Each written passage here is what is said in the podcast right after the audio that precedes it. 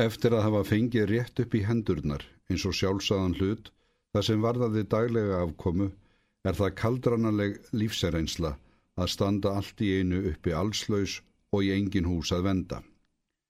Til eru þeir sem halda allsleysið hinn aðstað munað því þá fyrst sé maðurinn alfrjáls og engum háður nema sjálfum sér.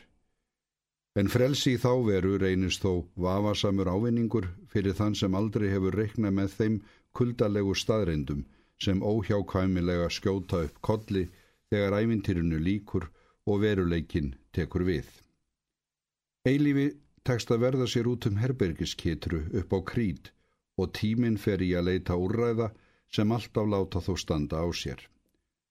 Ljóðföglin nýpra sér allus lengst niður í hugskotinu og verslast þar upp af andlegum þurrabúðarkosti og lausn lífskátunar er svo langt undan að það er eins og hún sé ekki og hafi aldrei verið til. Bjart sínin á í stækkandi vög að verjast. Hann hafði gert sér vonurum að ljóðin sem hann átt í fórum sínum myndi opna honum einhverja smögu. En það var sama hvar borið var niður Það borgar sér ekki að gefa út ljóð eftir skáld sem þjóðin þekkir hvorki haus eða sporð á. Þau einn koma til greina sem eru komin til ára sinna eða hafa verið dauð hæfilega lengi.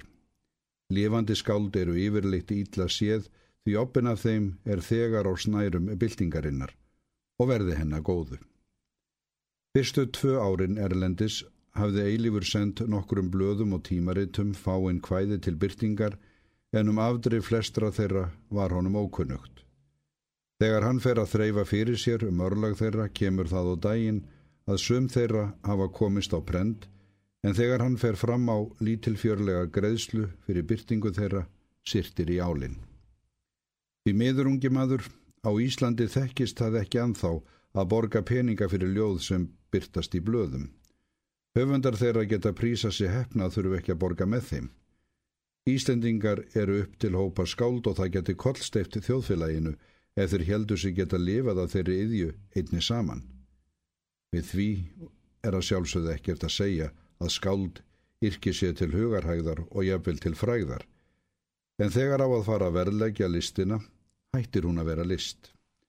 Sjálfsagður greiði að byrta eitt og eitt hvæði þegar hörgull er á öðru efni, en um borgun getur ekki orða að ræða því miður. Vikurnar líða dimmar og óendanlega langar. Það er ekki það verst að hafa ekki almennilega í svangin.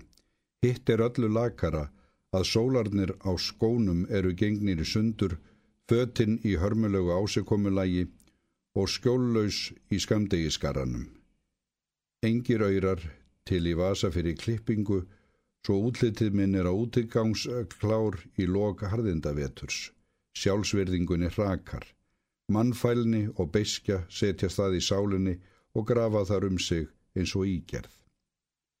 Kvöldeitt setur eilífur yfir svörtu mólakaffi í afsýðis kaffihúsi til að friða þarmanna.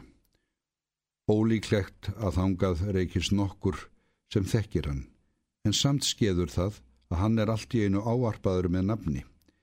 Þegar hann lítur upp sér hann það andlit sem hann kæri sér sístum að sjá eins og ástatt er. Eitt sinn hafði hann gengið á fund þessa manns óstyrkur í knjám og mætt hjá honum velvild og skilningi. Það var honum að þakka að blómið upp úr snjónum sá dagsins ljós á sínum tíma og höfundur þess held sig þegar hafa sigrað hálfan heiminn. En sá tími er orðin í óra fjarlægð og hann vil ógjarnan rifja hann upp. Hann veit hennan mann enn við sama heikarsornið. Hann er engin meiri háttar bóur að vallar sín, dáliti nærsín og með glerugu. Hann tekur þau af sér og þurkar af þau móðuna, fær sér svo sæti óbóðin anspæni skáldinu. Það er orðin tími síðan ég hef séð þig, segir hann um leið og hann hagraðir glerugunum á nefinu. Rétti það síðast af þér að þú værir einhver staður í útlandum. Eilifur er loðin í hálsi en tekst þú að svara því játandi að hann hafi dvalist erlendis. Þú heldur auðvitað áfram að yrkja. Ég verið við nám, langt og erfitt nám. Útgefandin kingar kolli. Tekking og mentun er af þeirra hluta sem gera skal, segir hann svo. Bildingin þarf að ungu mentuðu fólki að halda og það er óðum að rætast úr í þeim efnum. Þeim fjölgar árlega skáldunum og öðrum listamönnum sem skipa sér í ræður okkar. Eilífur lætur tækifærið ónotað að leggja orði belg svo hann heldur áfram. Þú byrjaðir vel, blómið upp úr snjónum gaf góðar vonir og það er ósveikinn málmur í byltingarljóðum þínum þó þau séu ekki gallalauðs frá listrænu sjónarmiði en þau gerðu sitt gagn. Ef þú átt eitthvað í þeim dúr innanum og saman við þá kemur þau til mín. Eilífi vefst tunga um tönn, tekst þú að segja að hann hafi slegið slöku við skáldskapin í setni tíð. Þú mátt ekki gefa hann upp á bátinn, segir útgefandin.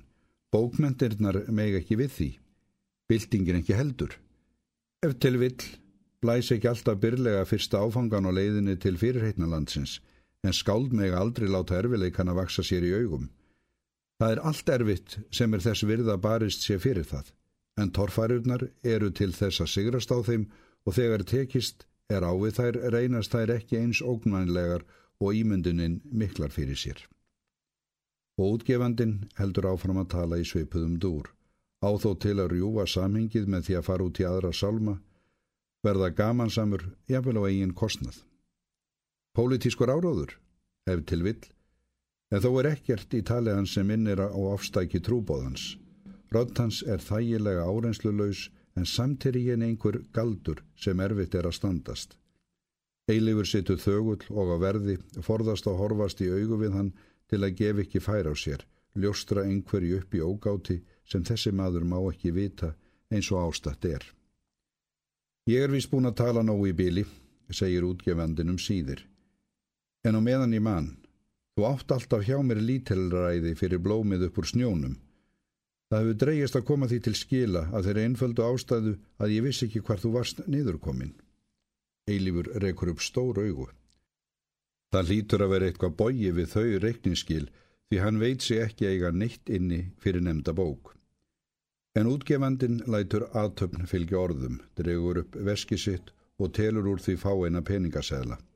Og Eilífur er grunnsamlega vissum að hann á þar engan eftir að þeirri talningu lókinni.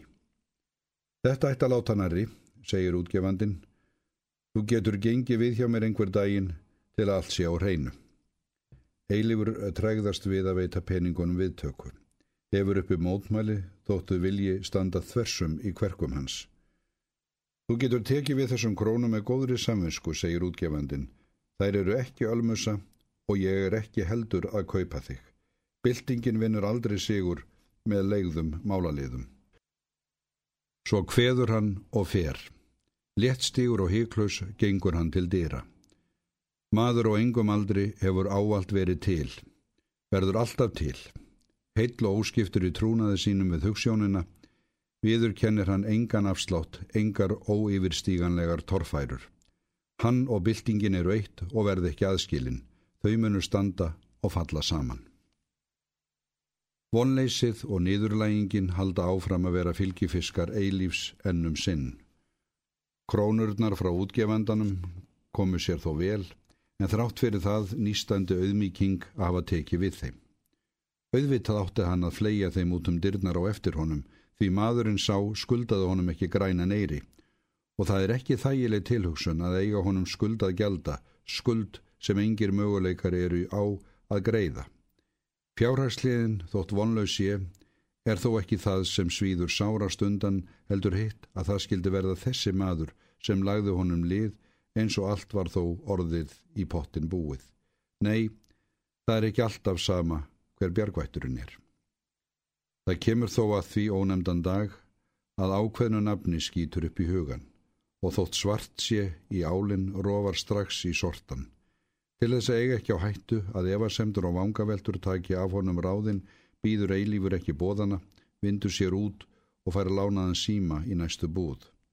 Svo verður hann sér út um skósvertu til að hressa upp á fótabúnaðin og um nóttina sefur hann á buksunum sínum til að fá í þær brot.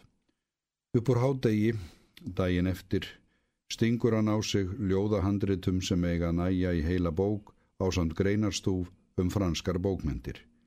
Leggur síðan götur undir fætur staðráðun í því að láta slag standa. Hann kannast við húsið þótt hann hafa aldrei komið þar inn fyrir dyr. Eitt sinn lagði hann handað því að klína á það plaggi sem lísti fordamingu á þeim sem réði þar húsum. Nú stendur hann við dyr þess annara erinda. Hann gengur upp stiga og drefur á dyr þegar upp er komið. Innan þeirra situr miðaldra kona, stórskorinn í andliti, ókaldari gjaldker eða eitthvað í þá veru eftir þeim plöggum að dæma sem hún hefur á borðinu fyrir framann sig. Hann býður góðan dag og spyr eftir Albert. Konan lítur út undan sér í átt til hans. Hann er ekki við, hansar hún stutt. Hann á vona mér samkvæmt símtali sem ég átti við hann í gær. Konan gömgjafir hann nánar. Kanski er hann upptekinn, segir hún, svo til að þurfi ekki að kingja með öllu fyrri fullirðingu. En eigi hann von á yður skal ég aðtuga málið.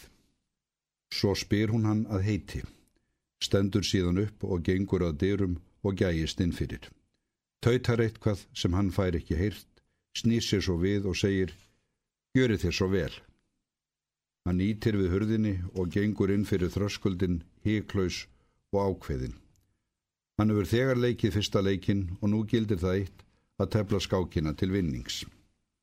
Hann kemur inn í allstort herbergi Innarlega á gólfi situr maður á bakvið stort skrifborð og snýr andlitið að dyrum. Um leið og gesturinn byrtist í gættinni, grýpur hann síman sem stöndur á borðinu fyrir framannan, ber tólið upp að eiranu og heldur því þar lengi.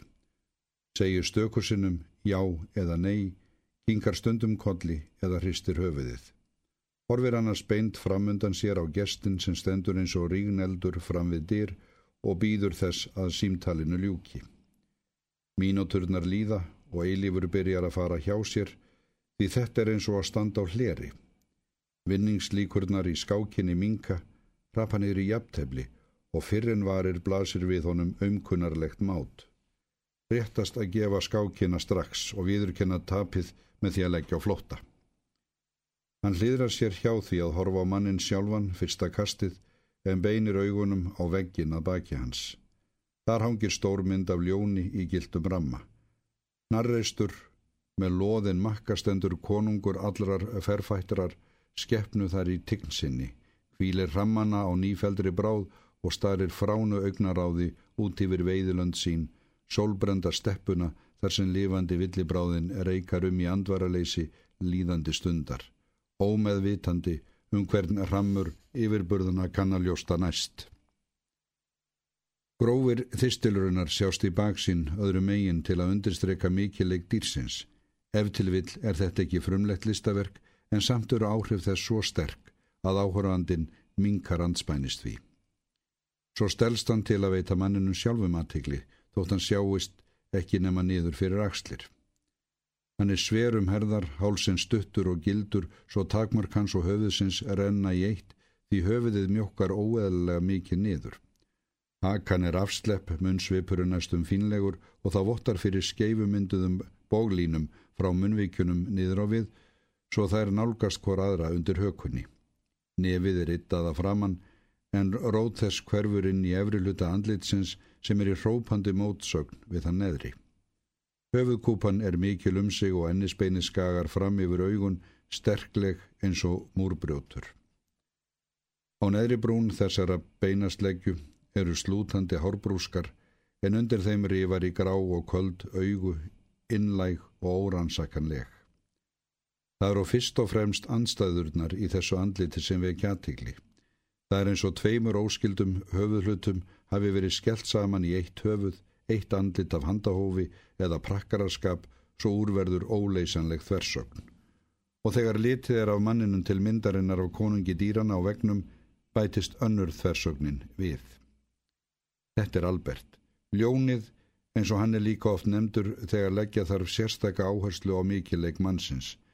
Þessi tvö nöfn þekki allir því þau koma víða við sögu en þegar kemur að manninum á bakvið nöfnin taka skoðanir að deilast.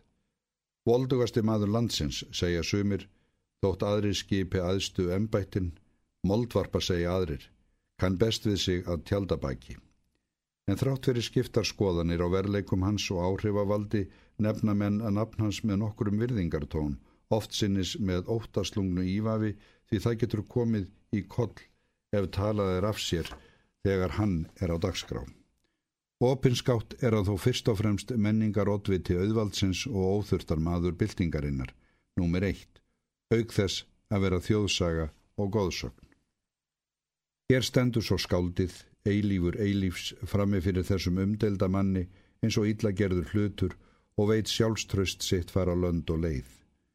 Þegar hann er í þann vegin að leggja niður skottið og laumast útilegur Albert frá sér síman, án hveðju og liftir öllítið höfði.